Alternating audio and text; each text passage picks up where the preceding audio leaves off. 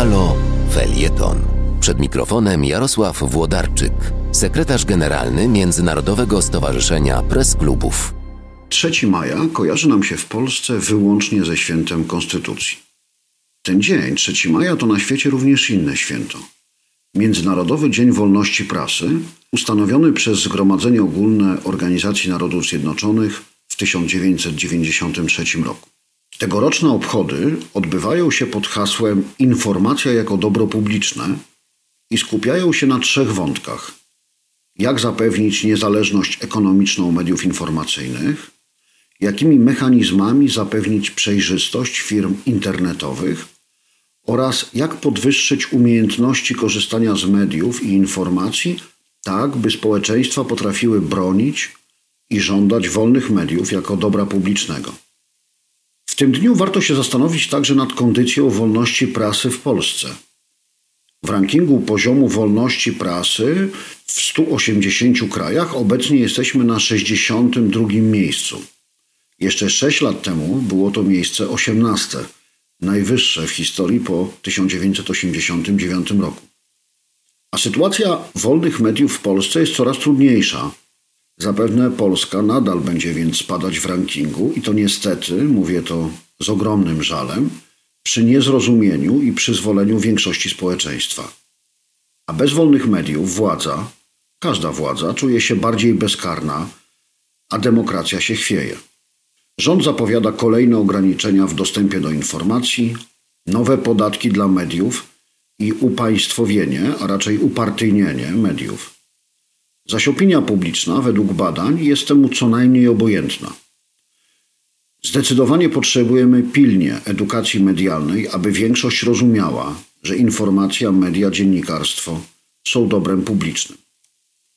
W przeddzień Międzynarodowego Dnia Wolności Prasy zostanie ogłoszony przez UNESCO laureat tegorocznej Światowej Nagrody Wolności Prasy imienia Guillermo Cano, nagrody, która zostanie przyznana osobie, która szczególnie zasłużyła się we wspieraniu wolnych mediów i niezależnego dziennikarstwa.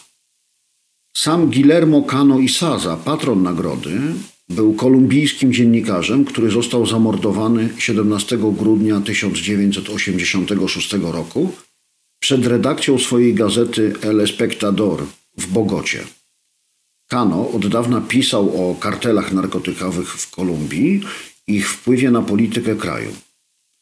Jego publikacje były tak niewygodne dla baronów narkotykowych, że postanowili zlecić jego zamordowanie.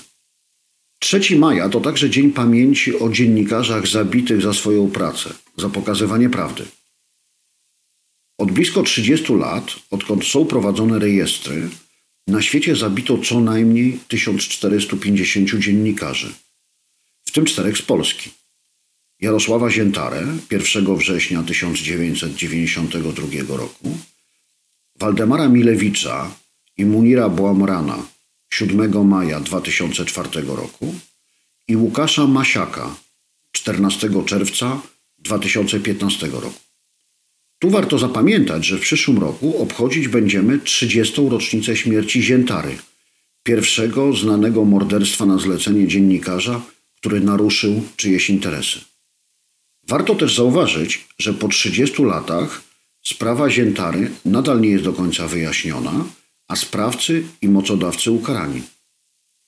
Za nieco ponad dwa tygodnie, 3 maja, świętujemy Dzień Konstytucji. Ale także niech będzie to dzień refleksji nad wartością wolności słowa, nad poziomem naszego wykształcenia medialnego, czy inaczej mówiąc, analfabetyzmu medialnego. Dzień doceniania wszystkich wolności, o których wolne media nam codziennie piszą, czy te wolności są naruszane. A Państwa zachęcam, abyście we własnym interesie wspierali wolność słowa, niezależnych dziennikarzy i wolne media. Dziękuję i do usłyszenia. Do wysłuchania kolejnego felietonu profesora Jarosława Włodarczyka zapraszamy w następną środę o godzinie 14.50.